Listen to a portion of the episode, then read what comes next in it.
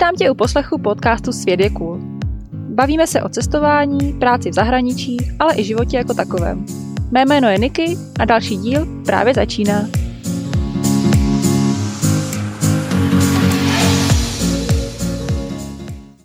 Dnešním cílem bylo nahrát podcast o hledání práce v zahraničí. Přizvala jsem si na pomoc Alex, která má zkušenosti s životem jak v Kanadě, tak na Novém Zélandu a mým plánem bylo srovnat tyto dvě země z hlediska hledání práce a pracovních příležitostí. No ale jak to tak bývá, zdrželi jsme se docela dlouho u Kanady a vznikl z toho takový vzpomínkový rozhovor na Working Holiday v Kanadě. Bavíme se ale taky o hledání práce, o začátcích v nové zemi. Alex s námi sdílí i konkrétní čísla, kolik si vydělala, kolik jí stal nájem ale je nutno říci, že informace jsou z roku 2017-2018. Teď je vše díky covidu úplně jinak. A i tak si myslím, že vám tento rozhovor může dát takový trošku vhled do života v Kanadě a do toho, jak to vlastně probíhá, když se člověk rozhoduje odstěhovat do cizí země. K srovnání s Novým Zélandem jsme se úplně nedostali, ale to nevadí, protože o Zélandu nahrajeme zvláštní epizodu, takže nemusíte se bát, o Zéland nepřijdete. Tak pojďme na to. Alex, a.k.a. Sashimi a její vzpomínky na Kanadu. Ahoj. Ahoj Alex. Jak se máš? Čau, jak se máš? ne, ty jak se máš? Ty jak se máš? Hele, já se mám docela unaveně. Dneska jsem celý den pikovala jabka a věděla jsem, že se s tebou budu bavit o práci v zahraničí, tak jsem o tom přemýšlela a dneska nemám úplně jako dobrý den, abych vyzdvihovala tady ten svůj životní styl, protože dneska mi to hrozně sralo. Ale to nevadí. Já jsem se s tebou dneska chtěla bavit eh, o víceméně nějak jako obecně o tématu práce v zahraničí, ale hlavně bych chtěla mhm. tam dát nějaký konkrétní typy a postřehy, jak hledat práci, třeba nějaký servery tam vyzdvihnout, ale samozřejmě taky se tě zeptat na tvoji osobní zkušenost a jak je práce sdělala, kde a tak. Uvidíme, co z toho vznikne, nemáme to vůbec připravený, ani jedna, ani druhá. Mm-hmm. Tak, eh, to můžu potvrdit? tak uvidíme. Eh, mě by jako první ze všeho zajímalo, proč se vůbec rozhodla vycestovat. Protože tobě, když ty si vycestoval, tak už ti bylo nějakých 30. 30. Přesně. Jo, ok. Uh-huh. Takže ti bylo 30. A řekněme si upřímně, v 30 lidi většinou zakládají rodinu a kupují baráky, pořizují si hypotéku a ty se rozhodla vycestovat sama do Kanady. Tak proč? Protože já musím mít vždycky něco extra. no, um, protože já jsem nikdy netoužila potom jako založ, založit rodinu, usadit se, postavit barák a zasadit syna a splodit strom. takže to, takže já jsem prostě, um, abych to neprodlužovala, tak jsem jako měla všechno, co jsem v tu dobu chtěla, měla jsem skvělou práci, za kterou jsem dlouho šla, ale nebyla jsem spokojená a když jsem si tak přemýšlela nad tím, proč, když mám vlastně všechno, co jsem vždycky chtěla a tu skvělou práci, která mě baví a miluju a vůbec mi nevadí s ní trávit skoro celý svůj jako život, i volný čas, tak když jsem se nad tím zamyslela, tak mi došlo, že uh, chci cestovat, že chci poznávat země a lidi a kultury a nechci sedět jenom v kanceláři, i přesto, že dělám jako něco, co mě baví. No, takže uh, jsem se vlastně rozhodla, že všechno, uh, všechno skončím, to, co mám v Čechách a i když jsem chtěla strašně letět v roce 2017 na Zéland, když jsem si jako tohle všechno uvědomila, tak ale jsem si to rozhodla až někdy na podzim, takže to se zrovna otvíraly víza uh, nebo kvota na víza do Kanady tak jsem si řekla, že nejdřív zkusím Kanadu, abych ji když tak nepropásla čekáním na Zéland, no a že uvidím, jak to dopadne. A dopadlo to tak, že mě vylosovali do Kanady. Takže jsem pak jela do Kanady. A můžeš, pamatuješ si, jak probíhal ten proces žádosti o víza do Kanady? Pamatuju si to a já už jsem to měla elektronicky všechno, já, uh, protože to bylo v roce 2017, tak už jsem to neměla jako jedna moje kamarádka, která musela všechno posílat poštou, takže u mě to bylo tak, že jsem se přihlásila na, na imigračním, vytvořila jsem si profil A pak, když vlastně otevřeli ten takzvaný pool, tak jsem se tam přihlásila, že chci working holiday uh, do Kanady.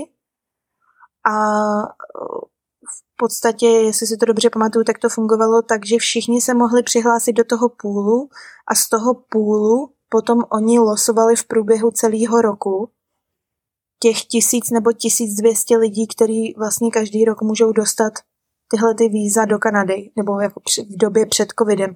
Ale já si pořád nepamatuju, jestli to bylo tisíc nebo tisíc dvěstě, než se to plete ze Já si myslím, že je to 1150 do Kanady a 1200 na Zéland.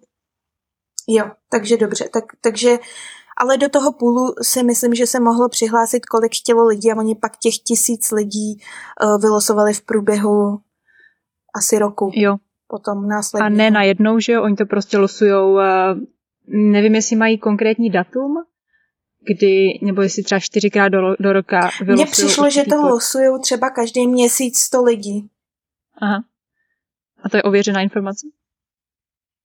Ne, to jsem, to jsem si asi vymyslela.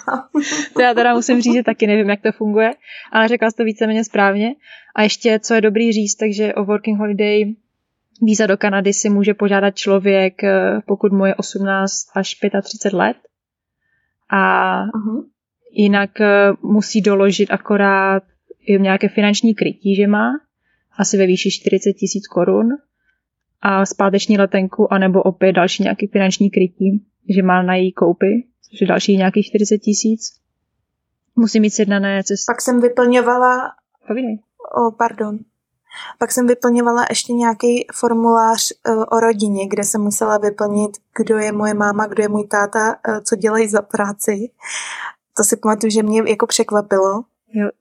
A musela jsem, na, musela jsem poslat životopis a musela jsem poslat a to teď si nejsem jistá, jestli jsem musela poslat průvodní dopis, a nebo jestli jsem to poslala jako šprtka navíc, že mi to někdo řekl, že to je dobrý jako jim vysvětlit, proč do té Kanady chci a co mám jako v plánu tam dělat. Takže to jsem t- teda taky udělala a pak samozřejmě až po tom, co mi to jako dali, nebo na základě toho, abych se dostala do toho půlu, tak jsem musela vyplnit tyhle ty dokumenty.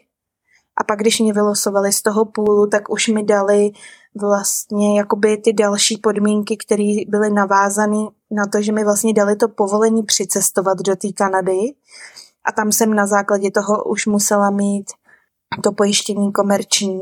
A vím, že tam to bylo strašně jako celý stresový hrozně, protože vlastně když jsem přiletěla do Vancouveru na letiště, tak jsem ještě musela jít jako na imigrační a tam se musela čekat strašnou frontu, před mnou bylo asi 30 lidí a pak jsem přišla k tomu úředníkovi a ten se mě vyptával na spoustu jako věcí. A já jsem byla strašně nervózní, protože já když jsem teda jela do Kanady, tak jsem moc anglicky neuměla.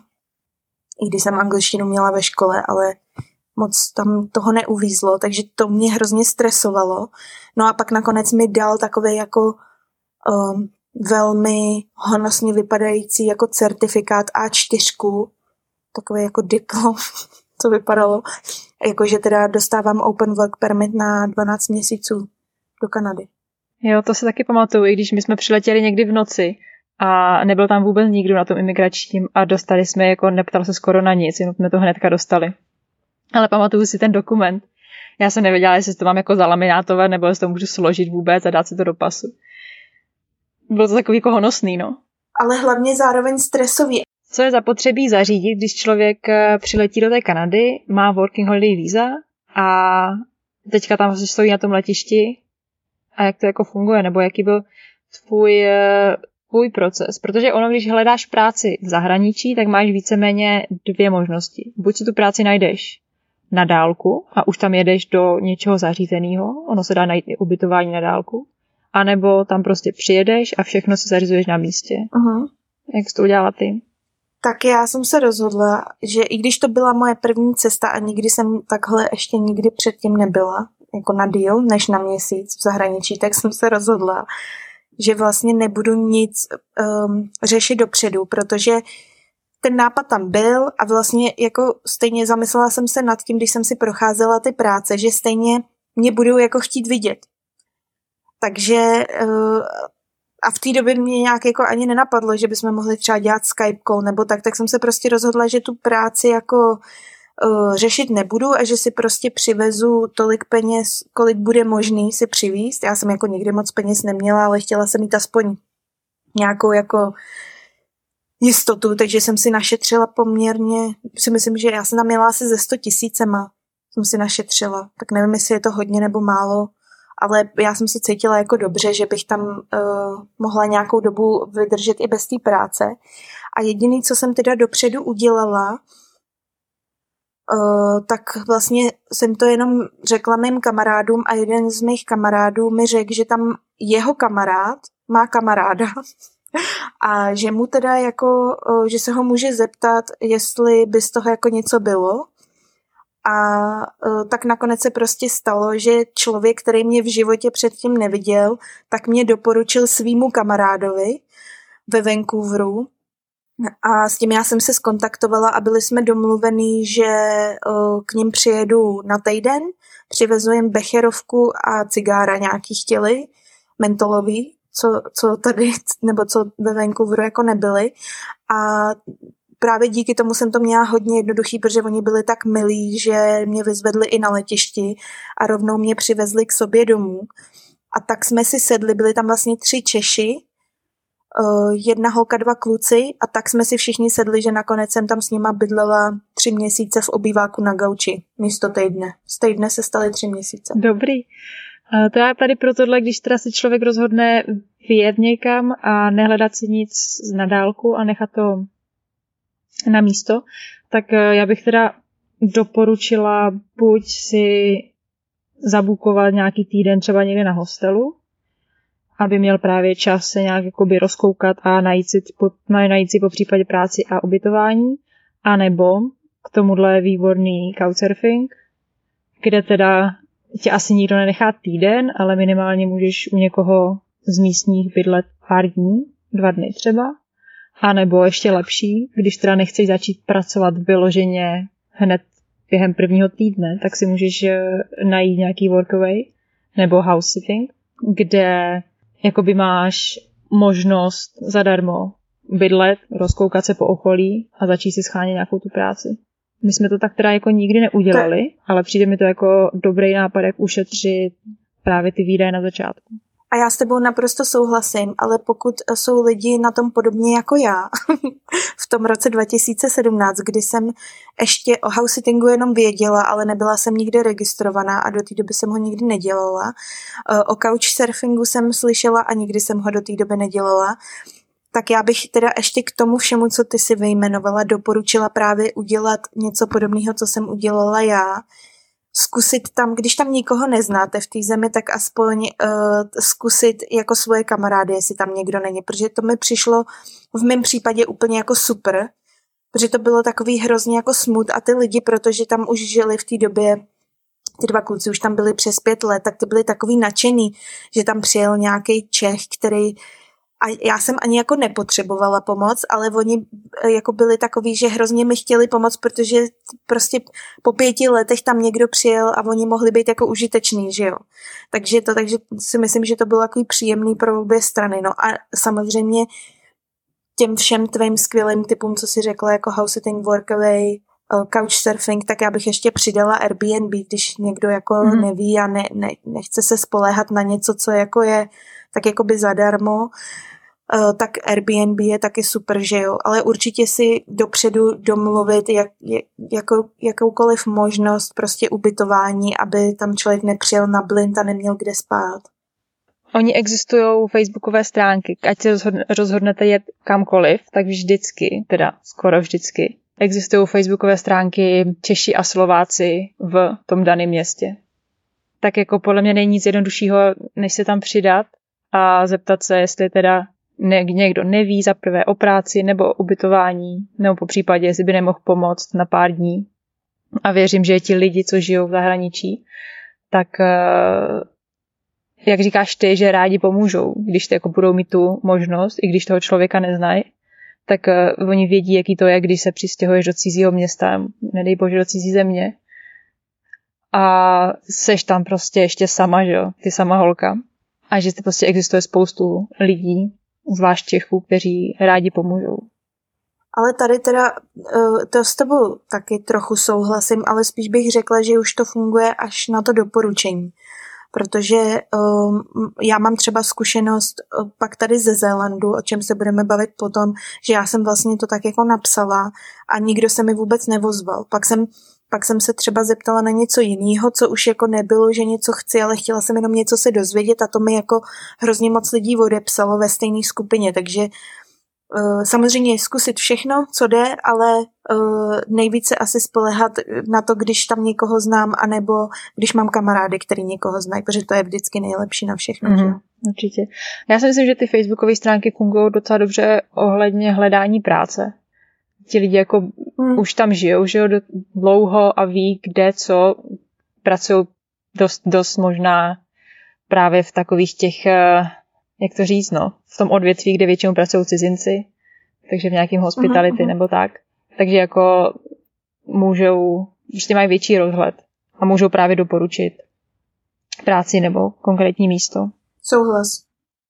Hmm, dobře, to jsme teda, to jsme postoupili k tomu, že tam přijedeš, zařídí si nějaké ubytování na pár dní a jak je to třeba s nějakým papírováním? Jak to bylo v Kanadě? Co si potřebuješ vyřídit, abys mohla fakt jako skočit do té práce rovnou? No tak určitě jako první je SIN number, Social Insurance Number, a to je vlastně takový jako podpis člověka, něco asi jako u nás rodný číslo a od toho se potom odvíjí všechno, jako možnost pracovat, založit si bankovní účet a možná ještě další věci, nebo možná jo. to je všechno. No pod tímhle číslem si jakoby vedená v kanadském sociálním a daňovém systému, takže můžeš pracovat legálně. Zařídíš ho na pobočce Service Canada Office. Ještě teda to SIN number je zadarmo a stačí k tomu platný, cest, platný cestovní pas a pracovní povolení, který jsme dostali na tom letišti. A já jsem pak ještě si rovnou zařídila BCID, což se vyřizuje tam, kde se vyřizují uh, řidičáky a to si myslím, že se jmenuje ICBC Driver Services. To, to mě teda stálo 35 kanadských dolarů, ale je to v podstatě jako vyřídíš si občanku, takže potom nemáš nikdy žádný problém, uh, když si jdeš koupit do liquor store alkohol nebo když jdeš do klubu uh, na party, tak prostě ukážeš BCID a lidi už vlastně na tebe nekoukají ani jako na cizince, protože neukazuješ pas nebo jiný, jiný jako e, doklad z jiný země, takže to bylo hodně příjemné a byla jsem hodně ráda, že jsem si tohle zařídila. Aha, to je super, hlavně, hlavně sebou netaháš pas nikde, že jo? Hlavně, když jdeš třeba na tu party. Protože nevím, jak je to, já si už nepamatuju, jak je to v Kanadě, ale vím, že tady na Zélandu neberou žádné jiné ID, kromě, kromě pasu. Ani řidičák ti nevezmou, když jsi pivo. Jo, tak to nevím, jestli vlastně, já jsem asi se možná ještě do takové situace nedostal, že já vlastně ani nevím. Ale teda chci říct, že všechno to, co já budu říkat, tak já mám zkušenosti jenom z BC, z British Columbia a z Vancouveru. T- takže proto i ten, uh, to IDčko se jmenuje BCID, takže nevím potom, jak to funguje v jiných uh, provinciích. Jo, protože tam jsou ty, tam funguje všechno neúplně jinak, ale každá ta provincie má má, má svoje jako pravidla, každá ta provincie. Dobře, a pak si musí zařídit asi nějaký bankovní účet a to je asi jednoduchý, ne? Tam to bylo jednoduchý a já jsem si vybrala CIBC, protože měla speciální promo pro newcomers a dostala jsem od nich zdarma běžný účet a spořící účet uh, na, na jeden rok. A dokonce jsem si pak i vyřídila kreditku s limitem 1500, protože já ráda používám kreditku, ne na půjčování peněz, ale potom na vybírání těch odměn, což v Kanadě funguje perfektně, že jo, protože oni tam jako na tom, kredit, na tom systému toho kreditu fungují. Takže proto jsem chtěla kreditku, abych začala už, protože jsem si myslela, že tam jedu jako na rok, tak abych celý ten rok sbírala odměny a kredit a potom mohla za to něco mít. Takže já jsem měla i kreditku hned od začátku. Aha. A já si trochu vzpomínám, že my jsme měli trouble si zařídit, ne trouble, ale problém vybrat telefonní nějaký balíček. Měl si taky takové takový, takové nemilé překvapení, když jsi zjistila, kolik v Kanadě stojí internet, telefonu? Ale to jsem teďko, eh, tím, že jsi mi to připomněla, tak se ve mně úplně nahrnuly emoce, protože já jsem člověk, který jako pracuje v Čechách pro mobilního operátora, který ho nechci jmenovat. a, a takže já tomu jako dost rozumím a jsem zvyklá jako na nějaký komfort. Mám ten standard trošku vejš a teda tohle pro mě bylo jako hrozný, protože já jsem začala u Freedom Mobile, a protože měli dobrou nabídku. A pamatuju si, že jsem měla nějaký neomezený volání v Kanadě a v USA a 10 giga dat za 60 dolarů měsíčně ale já jsem neměla nikde signál. A já si pamatuju, že nějak, když jsem přijela do Kanady, do toho Vancouveru, takže oni nějak různí operátoři, ne, ne, nemluvím tyko o Bellu, jako Bell, to je, to je asi jako nejvíc tam, takže o tom já nemluvím, na ten jsem samozřejmě neměla po příjezdu, proto jsem šla do toho Freedom Mobile a to bylo nějak jako, že oni zrovna začali uh, jako s velkou slávou uh, aktivovat LTE, který už u nás dávno jako fungovalo a já jsem prostě třeba vevnitř v barácích neměla signál. Takže já jsem platila 60 dolarů uh, měsíčně za 10 gigadat, který jsem nikdy nevyčerpala, protože jsem nikdy neměla signál. A hlavně, když jsem jako byla někde v baráku, tak mi prostě nefungovalo ani volání. Takže potom jsem, uh, nevím, nepamatuju si už přesně po jak dlouhý době, ale pak jsem uh, se přehodila někdy uh, tam byl nějaký promo na Virgin Mobile a to teda uh, jsem problém s pokrytím neměla, ale ty zase potom byly nějaký dražší a bylo, bylo tam malá fubka na ty data, takže to zase jsem jako moc nebyla šťastná, že jsem byla celá limitovaná, protože už mi fungova, fungovaly ty data, takže jsem je měla hnedka vyčerpaný, že jo. A to si pamatuju, že jsem platila nějak 40 dolarů měsíčně a měla jsem tam nějaký 2 giga nebo něco takového. Hmm. Prosím tě, my jsme to jako fakt na začátku nás to úplně odradilo a tak jsme si pořídili nějakou jako SIM kartu a dobíjeli jsme si prostě klasický kredit. Nevím jak dlouho. A to bylo fakt hrozný, no. To bylo úplně jak jak já nevím, 20 let zpátky, že jo. A to mě ale přišlo taky jako, když jsem, když jsem v té Kanadě nebo v tom Vancouveru byla, tak mě jako spoustu věcí přišlo, jako že tam jsou trošku pozadu. Já jsem si říkala, uh, Amerika, i když jako Severní Amerika, velký svět, že jo, kam, Bůh ví, kam jsem to nepřijela, no a pak začneš zjišťovat tyhle ty věci, které já už jsem brala jako samozřejmost, že tam jako ještě nejsou, anebo že fungují divně, anebo že když uh, jsem měla ten Freedom Mobile, já teďko nechci lhát, protože to už může být jinak, ale v té době, když já jsem tam přijela a měla jsem ten Freedom Mobile, tak když jsem jela třeba na Cypress Mountains eh, na snowboard, tak jsem byla v roamingu. Nebo do Whistleru, když jsem jela, tak jsem neměla signál, protože jsem byla v roamingu. Víš co, to, to prostě, to jsem jako nepochopila. Ty, jsi, ty prostě vyjedeš z města a už je roaming. A jsi pořád v té stejné provincii, jo. No to, jako fakt, fakt mi tam spoustu věcí hlava nebrala, no. A nebo třeba taky to, že tam platíš za příchozí hovory. Což ty to asi já jsem si asi úplně... neměla. Mm, možná, možná ne, jo, protože možná jsi to ani nevnímala, protože jsi měla ty předplacený balíčky a měla jsi tam nějaké minuty mm. zdarma, že jo. Na tom, jak jsme si dobíjeli, tak jako nám pak došlo, že my vlastně platíme i za to, když tobě někdo zavolal. Což jako, to jsi nezažila, že jo, nikde.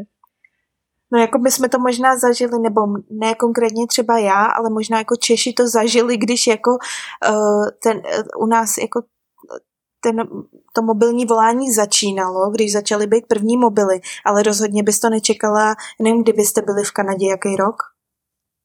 2017. No, tak to jsme tam vlastně byli stejný rok. No, tak v roce 2017 bys nečekala to, že budeš mít podmínky, jako když v České republice v 90. letech začínaly mobily, že jo? No, ale musíme, na obhajobu musíme říct, že Kanada je prostě obrovská země a že oni, aby tam to pokrytí bylo nějaký, tak eh, a že je tam málo lidí, takže oni to musí jako nastřelit, aby to tam jako mohlo nějak fungovat. Mm, to je pochopitelný, no. Že jako když to, když to srovnáš s Českem, že jo, kde máš 10 milionů lidí a maličkou zemi, tak je to, je to jednoduchý.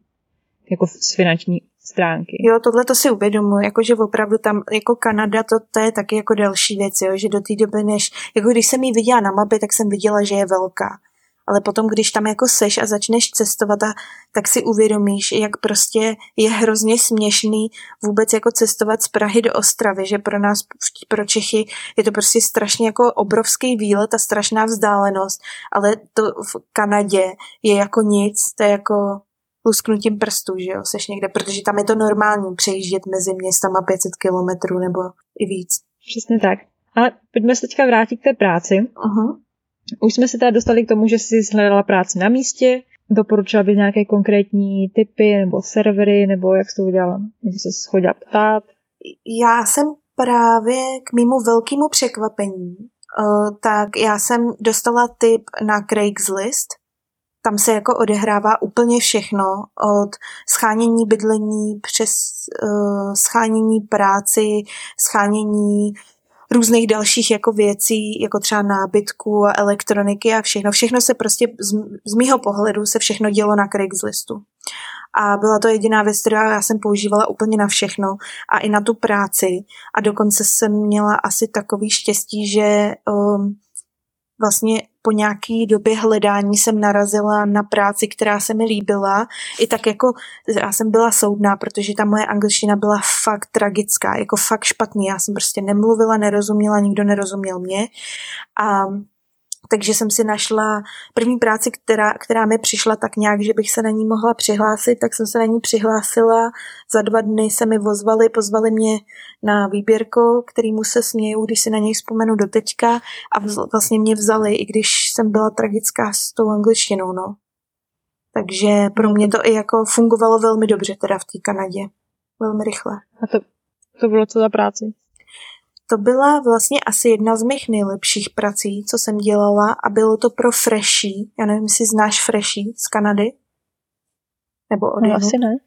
Je to v pos- já to vždycky vysvětlu, protože mi to přijde nejjednodušší, tak je to něco jako mekáč, ale, vo, ale jako obrácený, že tam my jsme prodávali fast food, ale velmi zdravý uh, a všechno je velmi zdravý a čerstvý. Takže jsme dělali salátový mísy, dělali jsme i různý jako uh, burita, um, sendviče a takovýhle věci, ale všechno to bylo opravdu, tím, že jsem tam pracovala, tak z toho jsem byla strašně jako nadšená, že opravdu všechno bylo poctivý, čerstvý, zdravý a čistý. My jsme i jako několikrát vyhrávali nějaký, když nám přišla nějaká namátková kontrola, tak jsme vždycky byli jako nejlepší z těch prodejen tak tohle to, to bylo za práci a tam jsem vlastně dělala úplně všechno. Uh, trošku díl teda trvalo, než jsem jako brala objednávky, protože ta moje angličtina opravdu jako byla nepoužitelná, ale je vlastně od přípravy těch jídel, protože to se všechno, že jo, tam to fungovalo tak, že člověk přišel, vybral si, objednal si a pak se to teprve dělalo. Nic jako nebylo, nic jako nebylo připravený dopředu zabalený. Uh, takže od přípravy těch jídel pro ty zákazníky uh, přes mytí nádobí v ruce, neměli jsme žádnou myčku, nic takového a po přípravu jako právě na, na to mít to tam připravený pro ty lidi, na tu obsluhu. Takže to bylo takový jako všechno se tam děl, každý dělal všechno. Bylo to jako super škola. Aha. A to byla tvoje jediná práce v Kanadě? Ne, to, tohle to byla moje první práce a já jsem za ní byla fakt strašně ráda, protože i na tom výb, jako, jenom aby si představila, jak špatná byla ta moje angličtina, tak já jsem nebyla nervózní z ničeho jiného, než právě z toho, že, že, ji nebudu, že na tom výběrku nebudu rozumět a oni mě nevezmou kvůli té angličtině. Jo. A ona byla ta moje, pak až teda budoucí šéfová, strašně milá a říkala mi, hele, až, už jsme až došli k tomu, že jako mi říká, no jako mě ani tak nejde o to, abys uměla anglicky, to věřím, že se naučíš, ale mě jde o to, abys jako opravdu tvrdě pracovala, protože tady to o tom jako je, tady já prostě budu potřebovat od tebe, aby si jako makala. Já říkám, jo, budu makat a tak. A pak nějak jako mi něco říkala, já jsem jí moc nerozuměla a už tak jako mi bylo hloupý se zase ptát, tak se tak usmívala. A ona říká, rozuměla jsi tomu, co jsem ti teď říkala? A já, ne. ona, já jsem ti jako řekla, že ti dávám tu práci, tak ti jako beru. Tak já, je, no tak děkuju. No a, a bylo to tak špatný, že třeba jsem jako místo v sobotu přišla v neděli, protože jsem si jako zaměnila Saturday, Sunday. S tím, s tím jsem teda měla problém dlouho. s těma dnama v týdnu, nevím proč. A, to, a bylo takhle jako vtipný, takže oni si se mnou jako s tou angličtinou užili. A uh, mám třeba historku uh, k tomu, že jednou takhle už, já nevím, jsem tam pracovala třeba týden a opravdu všichni na mě byli hrozně milí, tam byl super tým a ona jako kejchla, uh, ta moje šéfová a já jsem chtěla prostě jako Víš, jako jsem se zrovna naučila od někoho, že když, když se jako kejchne, takže řekneš bless you a jak jsem jako hrozně chtěla ukázat, že už to umím, tak jsem jí řekla be jealous. A ona na mě tak koukala a říká, proč, já nechci. A já říkám, co jsem ti, co jsem ti řekla, co, co jsem ti řekla. A ona mi jako říkala, no, řekla jsi mi tohle. A já, Ježíš Maria, to jsem nechtěla, promiň. No a od té doby opravdu nekecám celou dobu, co jsem tam pracovala, tak vždycky, když si někdo kejchnul, tak všichni řekli be jealous. no, takže tady vidíte jasnou ukázku toho, že jazyk není překážka. Hele, fakt ne, protože přesně, ale důležitý je makat. Jako ukázat jim, že opravdu jako chcete. Fakt to se mi osvědčilo jako už několikrát v životě, že není důležité, aby jsme byli perfektní a mluvili plyně, ale musíme jim ukázat, že jim za to prostě, za tu energii a ten čas stojíme, no. No a vlastně, eh, jak jsem si prodloužila to bydlení u těch Čechů v tom baráku, tak ta kamarádka, tak ta jedna holčina, co tam bydlela, tak uh, pracovala v mexické restauraci a začala tam chodit jako se svým šéfem, takže potom jako se dohodli, že bude lepší, uh, když ona půjde pracovat někam jinam, protože jako nechtěli samozřejmě tohle, ale ne, jako byla pro, byl prostě pro ně důležitější ten vztah, než pro ní ta práce. No a protože tam zrovna hledali lidi, tak mi jako eh, říkala, že jestli budu chtít, protože ve, důležité je říct, že já když jsem tam přijela, tak minimálka byla 11,50 dolarů na hodinu a to bylo přesně to, co jsem dostávala v tom freshi. 11,50 a neměli jsme typy. My jsme ani jako neměli, uh, to bylo hrozně zvláštní, protože že jo, ve Vancouveru speciálně, tam se typuje, prostě tam je jako mně to přišlo 15 až 20 je taková jako normálka, taková jako až samozřejmost. A u nás ve Freshi jsme neměli ani ten kelímek na ty typy. A prostě, když jsem se na to ptala, proč jako nebereme typy, tak nějak mlžili ty, ty šéfové, takže nevím, jestli jsme to neměli dovolený od toho řetězce, protože Freshi je velký řetězec, No a to takže prostě jsem brala 11,50 na hodinu a ještě je taky důležitý říct, že třeba ve Vancouveru není úplně jako um, standard, že když máš práci na full time, tak dostaneš vždycky 40 hodin. Tam jako klidně můžeš dostat jenom 30 hodin, že jo? A musíš jako je vyloženě prosit, abys ty hodiny dostal. Já nevím, jestli máš jinou zkušenost, ale takovouhle zkušenost jsem měla já teda. Eh, no já myslím, je docela překvapuje ta minimální mzda, protože jsme si teďka řekli, že jsme tam byli ve stejném roce a my jsme teda bydleli v Albertě a tam byla podle mě minimální mzda nějakých 15. A to je právě ono. A to je, to je pravda, to, to jako já vím. Uh, v těch provinciích se právě liší i ta minimální mzda a cena benzínu. Takže já si myslím, že vy jste měli nejenom, že jste měli minimální mzdu 15 na hodinu, ale ještě navíc jste měli benzín Eh, kolem jednoho dolaru, možná pod jeden dolar za litr, že jo? Já si pamatuju, že já si pamatuju, jak jsme přijeli, přijeli do Kanady, tak nám to vůbec jako nepřišlo, nám to přišlo jako normální, že teda benzín stojí kolem dolaru. A pak jsme přijeli na Zéland a tady v té době stál jedna, i jedna pade. No a to stál ale ve Vancouveru, že jo? Brit- British Columbia normálně stál 1,30, 1,40. Takže tam jako opravdu ty rozdíly mezi těma provinciemi jsou strašně veliký, jo. Proto já jsem na to upozorňovala, že to, co říkám, tady ty čísla, které si ještě teďko pamatuju, tak za prvý už jsou jiný kvůli tomu, že se všechno mění, ještě taky covid teďko, že jo, tak ten s tím asi taky zamával, ale hlavně je to teda vázaný na tu britskou Kolumbii. No každopádně se ptá na ty hodiny, já si nepamatuju, že bychom měli problém s hodinama, že my jsme pracovali v létě v restauraci a tam jsme měli tolik hodin, kolik jsme chtěli víceméně. A přes zimu já jsem měla nějaké dva part-timey, takže jako, jako neměla jsem problém s tím, že bych pracovala na full time a jako měla bych málo hodin. A ty typy jsme teda jako měli, no, tam je nutno říct, že v té restauraci jsou ty typy v Kanadě prostě typou hodně, no. tam jsou na to zvyklí a tam i když platíš v restauraci, že jo, tak a platíš kartou, tak tam máš na výběr, jestli dáš tip 10, 15 nebo 20%. A není tam jako, že nedáš tip. No, jak, jak u koho, jak si to asi nastaví, ale většinou to tam je, protože ty to vlastně můžeš vyrušit tím, že dáš uh, něco, nulu nebo něco takového. To, to vím ale, že je, protože, to, to, protože já jsem uh, takový jako typovač jenom opravdu, když mě to v tom Vancouveru docela štvalo, protože mě vadilo, že ať jsem šla cokoliv, jakýkoliv servis jsem dostala, uh, já mě teď třeba nic jiného nenapadá, než uh, jsem chodila jako na Brazilku, protože já se nemůžu, já se nemůžu jako holit, protože mám uh, uh, psoriázu, tak já musím jako chodit, když jako chci o sebe pečovat, tak musím chodit na tohle, protože to mi jediný jako nedělá problém.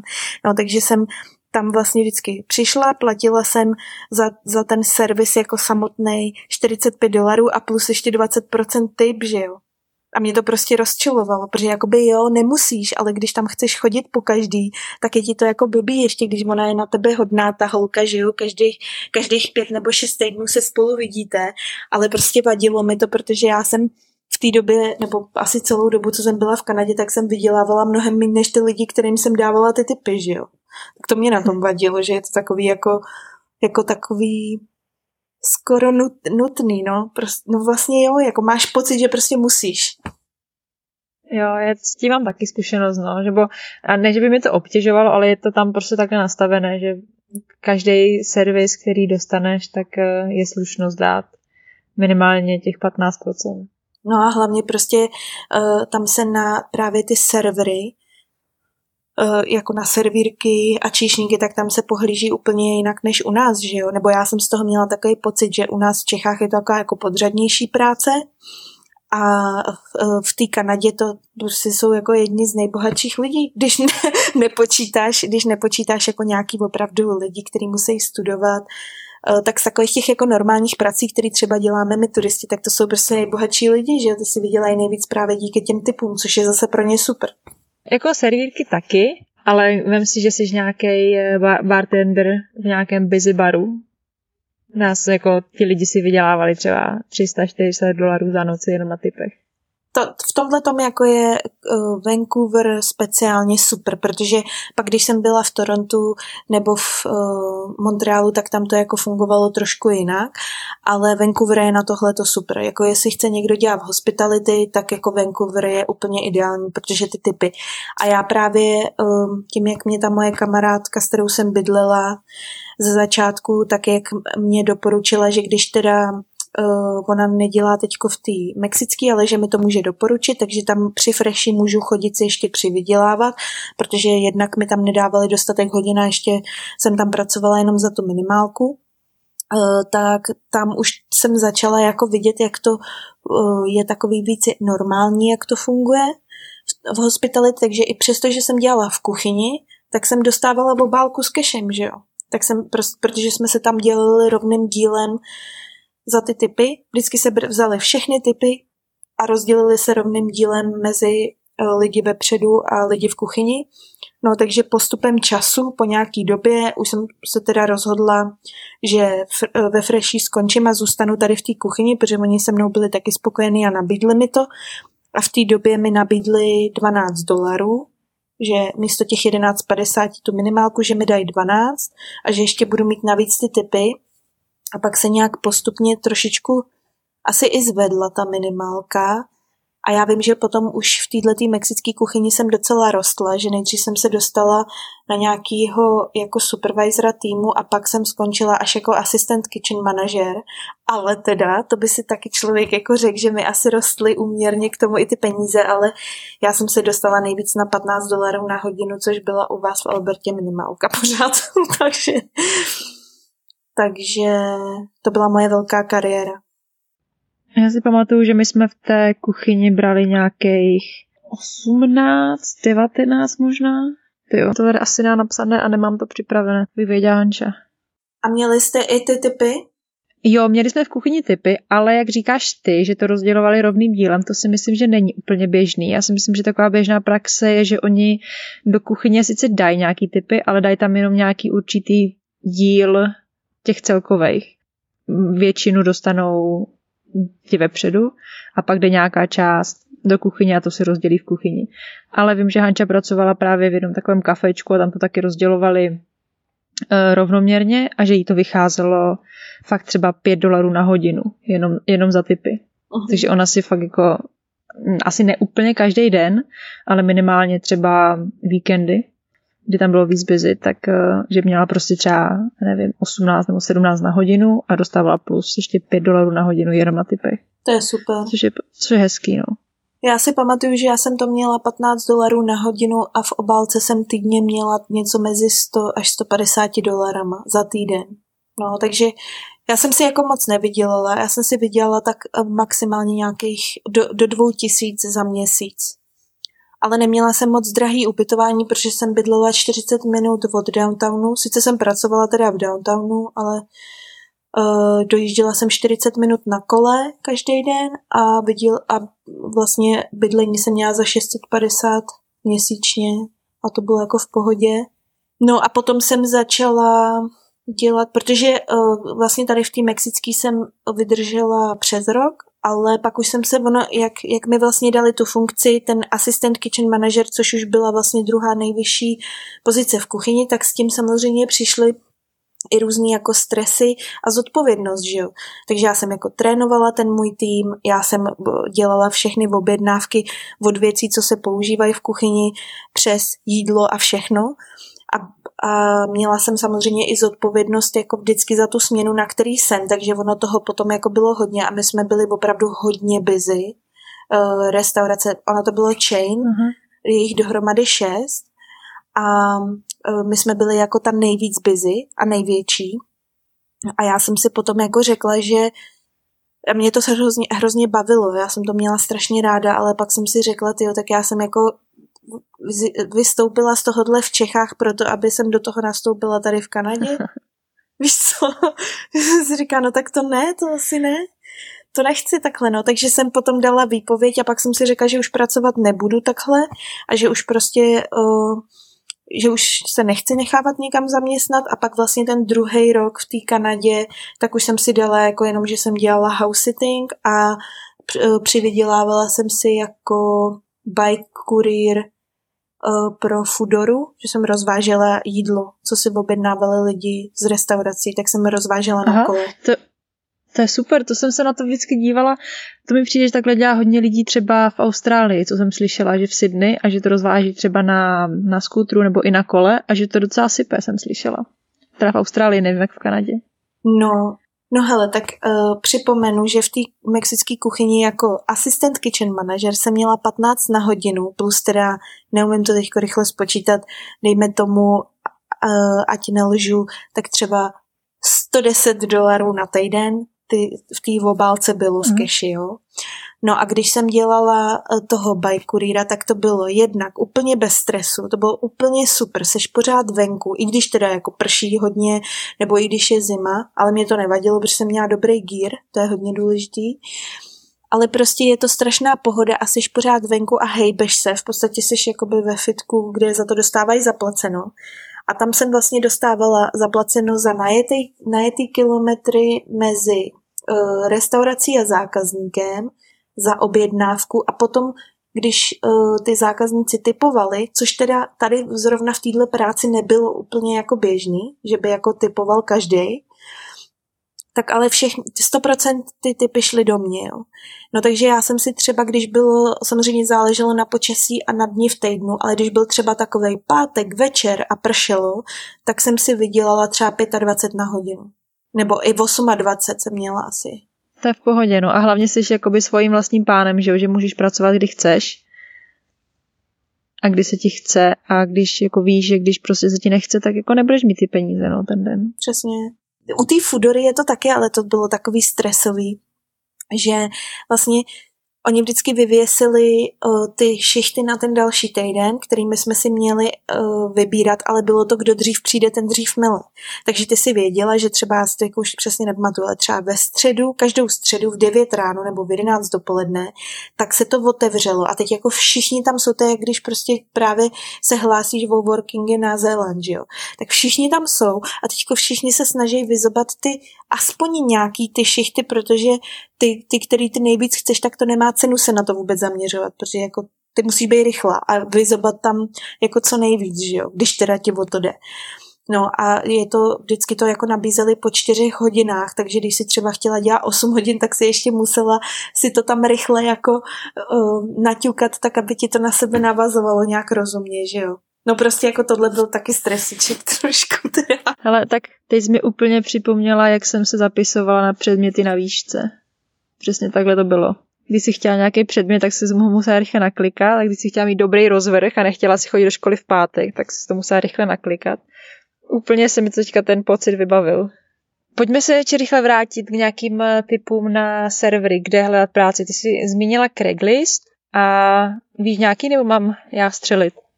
No ty jsi mi připomněla, když jsme se o tom bavili, ten Indeed, ale to už je jako maximum, co já bych, co já bych znala. Takže já opravdu jsem na úplně všechno, na všechno. Přísahám na úplně všechno Craigslist. Já třeba mám takovouhle zkušenost, že úplně na všechno jsem používala Kijiji, uh-huh. jestli to čtu správně, píše se to Kiji, uh-huh. ale asi jo. A tam bylo taky, tam přes koupy auta, přes práci, kupování nějakých věcí, tak tohle. A nebo na práci ještě je server JobBank. Ale já si myslím, že ty, co jsme zmínili, tak jsou takové nejběžnější v Kanadě. A co funguje za mě prostě vždycky, tak je sledovat nějaký facebookové stránky ohledně práce v tom místě, kde se zrovna člověk nachází, že tam se sdílí taky spoustu nabídek. A komunikovat s komunitou, uh-huh. ať Čechů, anebo třeba jenom jako cestovatelů obecně v tom místě. Souhlas. Já jsem čekala, že ty vždycky mě nějak doplníš a teďka mlčíš. No, protože jsi to řekla krásně a já si dávám hrozně pozor, abych ti do toho nemluvila, protože to pořád dělám. já právě nikdy nevím, kdy ty skončíš. Já, to vypadá, že už skončíš, tak já si nadechnu něco řeknu a ty ještě pokračuješ a mezi tím já to zapomenu. Ale tohle jsme probrali, tohle jsme probrali tu Kanadu docela. Máš ještě něco ke Kanadě? Uh, ke Kanadě... Uh, já jsem ještě, a to, to nevím, jako jestli bude pro někoho zajímavý, ale jak jsem říkala právě, že mi to tam přišlo jako trošku zpátky na stromy. Já si to i pamatuju, že jsem to jako volala domů třeba rodině a kamarádům. Já jsem říkala, ty já jsem si myslela, Bůh ví kam nejedu a tady je to prostě fakt jako zpátky na stromy. A tak třeba když jsem jako poprvé přijela na Cypress a teďko e, právě na snowboard a teď byla jsi tam někdy? Tam eh, ne, ale jako jezdila jsem v Kanadě, no, takže asi vím, co budeš říkat. Tak jako já jsem, mě jako padla úplně brada, protože já jsem si šla koupit teda jako tu celodenní uh, jízdenku, nebo jak to říct, permici. To si pamatuju, že to stálo 78 dolarů. A dali mi samolepku a k tomu takový kovový háček. A já jsem si jako musela z toho vyrobit teda to, že si tu že, že vlastně si tu permanentku dám jako na tu bundu prostě. Rozumíš, že si to jako provlíkneš něčím, ten háček a přelepíš si to a potom jako tam nebyly žádný turnikety. Tam prostě to bylo otevřený, tam ani nebyly žádný takový ty, jak máš ty kolotoče, víš, uh-huh. který bývají, když jsou turnikety. Tam nebylo nic. A stála tam jedna paní, která jako kontrolovala, jestli nám vysejí tyhle ty papírky na těch bundách. tak z toho jsem já byla úplně vyřízená. A, a potom teda ty vleky mi přišly taky jako starý, nebo ty sedačky, ale ne tolik, jako když jsem pak přijela, myslím, že se to jmenuje eh, tahle ta jako sjezdovka, nebo ta lanovka Sea to Sky, nebo nějak takhle podobně. A to máš jenom jednu takovou, prostě, že sedíš jenom na jedné sedačce a má to takový hák pod tebou a kejve se to, prostě jak jdeš nahoru, tak jo. se to kejve tím větrem a to. Tak já, mě to, já jsem, já nevím, já jsem si říkala, tak se mi to zdá, nebo je to nějaký vtip. A pak už jsem samozřejmě na to zvykla, tak ono to funguje, že jo. Ale, ale prostě jako třeba, když si vezmeš náš medvědín, tak to je prostě úplně nebe a dudy, že jo. A člověk si řekne, že jde jezdit do Kanady, jak to nebude všechno vymakaný. A ono ne, no. Ale zase je tam prostě sníh dobrý, takže nemůžeš koukat na tu výbavu, ale musíš si užívat ten prašánek. Jo, to bylo super. Jako mě Cyprus bylo i přesně, jako něk, pro některý lidi je to třeba malý, krátký, ale pro mě zrovna Cyprus bylo úplně super a hlavně jsem to měla 30 minut od baráku, takže uh, v té Kanadě jsem si zajezdila jako nejvíc jako za celý život. Ve Whistleru jsem taky byla asi třikrát a vždycky, když jsem tam jela, tak, tak jsem neměla žádný výhled, jak jsem tam měla vždycky nějakou inverzi, tam byla prostě poklice, přes kterou nebylo vidět.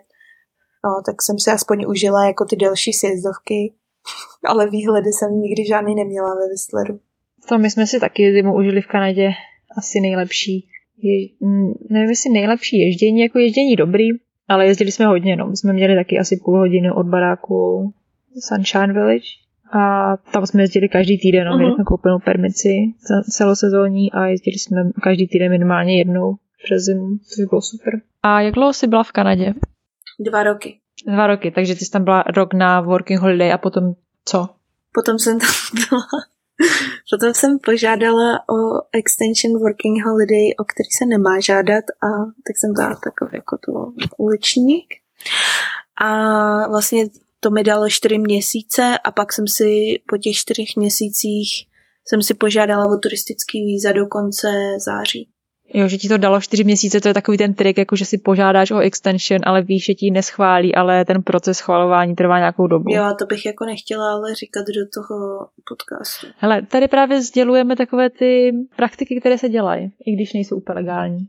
Každopádně, jo, o tom jsem slyšela, neudělala jsem to, ale víš, o co, co jsem slyšela, taková, taková historka bokem. Prostě, že frajer tam přiletěl, přile, přiletěl, přijel Čech uh-huh. do Kanady, ale nepřiletěl, ale přejížděl z Ameriky, uh-huh. hranici normálně po, po pevnině uh-huh. a tam mu ten úředník přidělil normálně working holiday na dva roky místo na rok. Jako, že se spletl, protože některé ty země, jako francouzi si myslím, a jo, jo. nejsem si jistá, který, který ty národnosti mají working holiday na dva roky, ale že ten úředník se spletl a on dostal normálně tady tenhle papír jak jsme se o něm bavili, ten certifikát hmm. na dva roky. Takže tam prostě byl na working holiday na dva roky. A to já jsem slyšela taky a to je jako hustý, no. To je, to je fakt, to je, to, to je teprve ště, štěstíčko. A proč jsi rozhodla odjet z Kanady? No, protože už jsem tam strávila vlastně dva roky a hezky jsem si tam jako popracovala, pocestovala, užila jsem si to tam a mezi tím jsem si požádala o víza na Zéland takže vlastně jsem už potom tím, že jsem je dostala, tak jsem byla zase limitovaná um, tím tou lhůtou, do kdy jsem se musela dostat na Nový Zéland. Takže proto jsem to tam jako utla, ale ne, nelitovala jsem toho, protože jsem se tam podívala všude tam, kam jsem chtěla. A vlastně to všechno přišlo tak hezky načasovaný a byla jsem strašně šťastná, že teda jsem dostala ty víza na Zéland, takže jsem si to naplánovala tak, aby jsem si ukončila Kanadu, eh, stavila se ještě doma a pak už letěla rovnou na Zéland eh, ještě v té lhůtě těch 12 měsíců od vydání těch víz. Tak jo, tak můžeme zabalit Kanadu. A když si říkala teda, že v Kanadě je to jako zpátky na stromy a o Zélandu ti to jako takhle nepřijde? Nebo tady nemáš takovou podobnou zkušenost, že si občas připadáš, jak kdybys byla 10-15 let zpátky? No, uh, ono totiž jak v čem, já bych třeba začala právě u toho mýho příjezdu sem na Zéland, nebo příletu, tak ono to bylo celý takový jako divoký, protože uh, já mám v, velmi jinou zkušenost uh, oproti Kanadě v tom, že vlastně já jsem přiletěla těsně před covidem, že jo. A, a když jsem vy, vylítala z České republiky, tak to bylo nějakého 26. února takže u nás se nic jako neřešilo, to se pořád ještě ukazovalo, co se děje v Číně. A, nebo já si to takhle pamatuju, jo. Já, já zase jako moc na zprávy nikdy nekoukala, ale tohle to, to je prostě moje vzpomínka. A pak já jsem si vybrala, chtěla jsem letět přes Taipei, protože jsem se strašně chtěla podívat do Taipei. Tam jsem měla 16 hodin a tam ale už jako, když jsem přiletěla do Taipei, tak už v letadle mi bylo oznámeno, že musím nosit roušku a že když nebudu nosit roušku, takže zaplatím pokutu. Já jsem žádnou roušku neměla, že jo. Takže hnedka první věc po tom, co mi měřili teplotu a ptali se mě, jestli jsem byla za poslední 14 dní v Číně, tak eh, první, co jsem šla jako dělat na letišti, tak bylo schánět roušku. Nikde jsem ji nesehnala a došla jsem až na informace a tam mi řekli, že na letišti to není možné sehnat, ale že musím teda jako jet do města, což trvalo asi uh, hodinu a půl vlakem, takže jsem si říkala, Ježíš Maria, hodina a půl a ještě vlakem, no nemám tu roušku, tak to mě tady rovnou zavřou, tak to na ten Zéland nikdy nedoletím, že jo. No takže po hodině a půl jízdy vlakem bez roušky, asi jako jediný člověk v Taipei, jsem měla takový pocit, eh, tak jsem přiletěla do města a do každý, šla jsem asi do pěti lékáren a všude mi řekli, uh, a tím ukážu ID. A já jsem jim ukázala můj pas a oni mi řekli, ne, pro tebe roušku nemáme, máme jenom pro naše lidi, pro citizens. Takže já jsem prostě strávila 16 hodin stresu v Taipei, kdy jsem věděla, že mám mít trošku, jinak budu platit pokutu, ale nemohla jsem si ji tam nikde opatřit. Takže jako... Hele, a to si nemohla dát před obličej prostě něco jiného? To fakt musela být jako rouška. No oni mi řekli roušku, já jsem nad tím takhle nepřemýšlela, tak to teď už jsme hrozně jako, už, už je to takový normální, ale předtím pro mě prostě mě řekli, že musím mít roušku, já jsem v životě roušku neměla, že jo. Takže jsem nad tím ani takhle nepřemýšlela, prostě jsem jako dostala úkol měj roušku, tak jsem se ji snažila vyčmuchat někde, no a ne, nepovedlo se mi to, ale i tak jsem si to užila, jako ale i se mi líbilo, že oni tam byli hodně dobrý, že jako všude všude, kam jsem jako vstupovala, tak i v tom městě, tak mi měřili teplotu, než mě někam pustili a musela jsem všude psát, kdo jsem, odkud jsem přijela a tak. To, co se vlastně jako covid tracking, že jo, co se dělá normálně teď, tak to oni už tam tenkrát dělali. No a pak, když jsem přijela na Zéland, tak zase nic. Pak se mě jenom ptali, jestli jsem za poslední 14 dní byla v Číně a jestli mi není blbě, jestli nemám nějaký kašel. A vlastně tady bylo všechno úplně normální, že jo? takže jsem zase na všechno zapomněla. Jo, ale důležitý, co jsem vlastně chtěla zmínit, je to, že když jsem přijela na letiště v Aucklandu, tak uh, jsem vlastně vylezla z letadla a tam vlastně, co mě jako za, zarazilo, že jak oni ti jako říkají, že nesmíš sem přivíst nic, žádný to jídlo, že jo, třeba vepřovou šunku, co si pamatuju, že mě jako za, zarazilo, že když máš sandwich s vepřovou šunkou, takže ji jako musíš vyhodit prostě hned jak vylezeš z letadla. No a potom jsem se dostala k nějakému tomu úředníkovi, který mě tím skvělým kivy akcentem, na který, akcentem, na který jsem nebyla vůbec připravená a vůbec jsem nerozuměla ze začátku.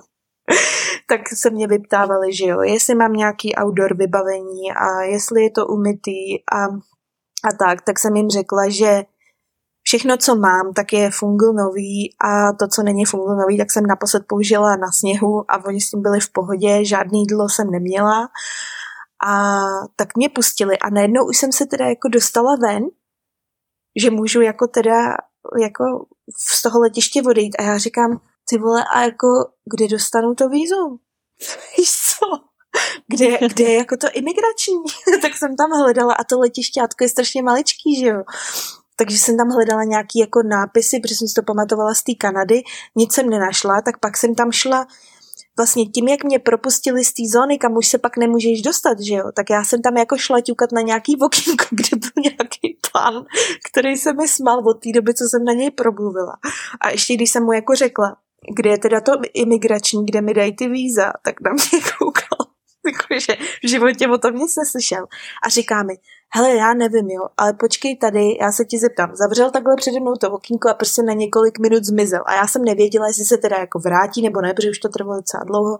No a nakonec se vrátil a řekl mi, že už jako dobrý, že to jako, že oni to mají všechno um, jako digitálně, že prostě jakmile ti načtou pas, tak se tvoje víza zaktivujou a už nepotřebuješ žádný papír, žádný jako nic navíc. No, takže s tímhle tím jsem tam strávila ještě navíc hodinu, abych pak zjistila, že teda jsem tam zase způsobila scénu hnedka po příletu úplně zbytečně. Jo, hele, tak uh, to máme úplně stejnou zkušenost, protože my sám se stalo úplně to samé. Taky jsme absolutně jako netušili, jak to tady funguje a s tou zkušeností z Kanady, kde jsme dostali ten velký certifikát jako výzum nebo jako pracovní povolení, jo. tak jsme čekali, že dostaneme něco stejného, že jo? A ocitli jsme se už venku z toho letiště a právě jsme tam jako stáli a že jsme googlili, jako, jak to teda funguje, jestli opravdu můžeme odejít odsaď, abychom pak jako nezjistili, že vlastně nemůžeme pracovat. Přesně.